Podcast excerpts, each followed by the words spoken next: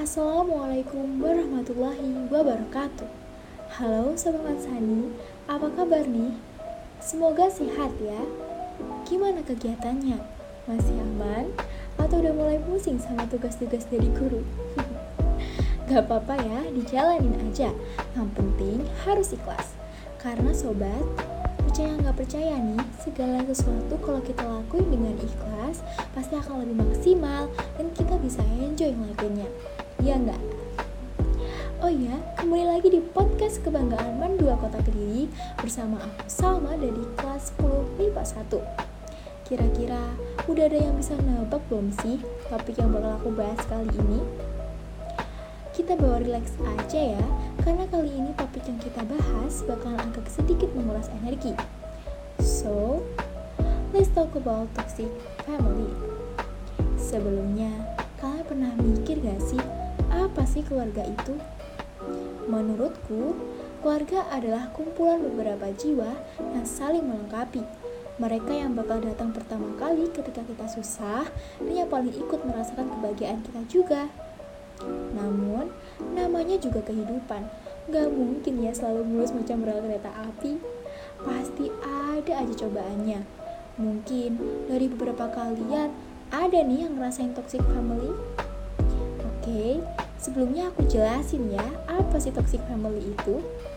Toxic family adalah para anggota keluarga yang saling menyakiti, entah secara fisik, lisan, maupun verbal.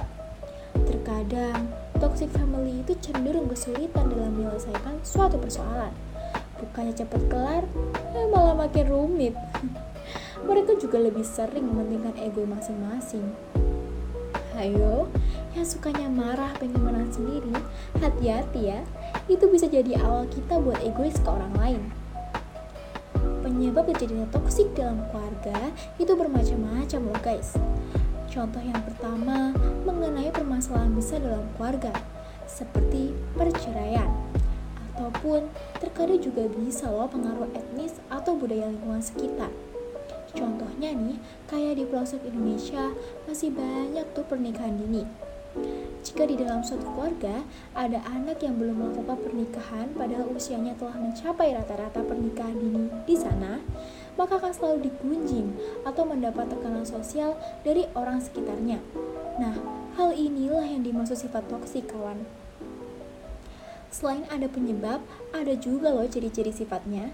Ciri sifatnya nih sobat, kita tuh pasti bakalan ngerasa gak nyaman ketika di rumah atau pas lagi bersama keluarga rumah yang harusnya menjadi tempat ternyaman kita, kini gak bakal kita rasain lagi ketika kita mempunyai lingkungan atau keluarga yang toksik. Selain itu, keluarga yang toksik itu bakal lebih sering menuntut daripada mendukung kita. Kalau semua tuntutan yang dikasih ke kita nggak berbanding sama dukungannya ke kita dan nggak memikirkan perasaan kita sama sekali, itu artinya udah masuk toxic family ya. Dan itu nggak boleh karena bisa merusak mental anak. Keluarga yang toksik itu bakal lebih sering mengeluarkan kata-kata yang gak pantas diucapin. Mereka memiliki temperamen yang tinggi dan suka menyakiti lawan bicaranya. Kalau kayak gini, siapa juga yang mau ya kan? Dan asal kalian tahu, parahnya mereka juga kurang memberikan apresiasi terhadap sesama anggota keluarga. Eits, tapi tenang, kalau ada penyebabnya, gak mungkin banget kan gak ada jalan keluarnya. Nih, aku ada beberapa tips agar keluarga kita terhindar dari toxic. Yang pertama, hindari penyebabnya. ya iyalah dihindarin. Kalau dilakuin, itu namanya bukan mencegah. Kedua, kamu jangan takut buat bilang no atau tidak kalau mereka menyuruh kamu untuk melakukan hal-hal yang bisa bikin masalah tambah rumit, kamu bisa menjawabnya dengan kata tidak ya. Ketiga, tidak semua bisa kamu ceritain. Kamu harus bisa pinter milih-milih nih kira-kira hal apa aja yang perlu kita ceritain. Karena nih, takutnya malah bisa nimbulin masalah baru.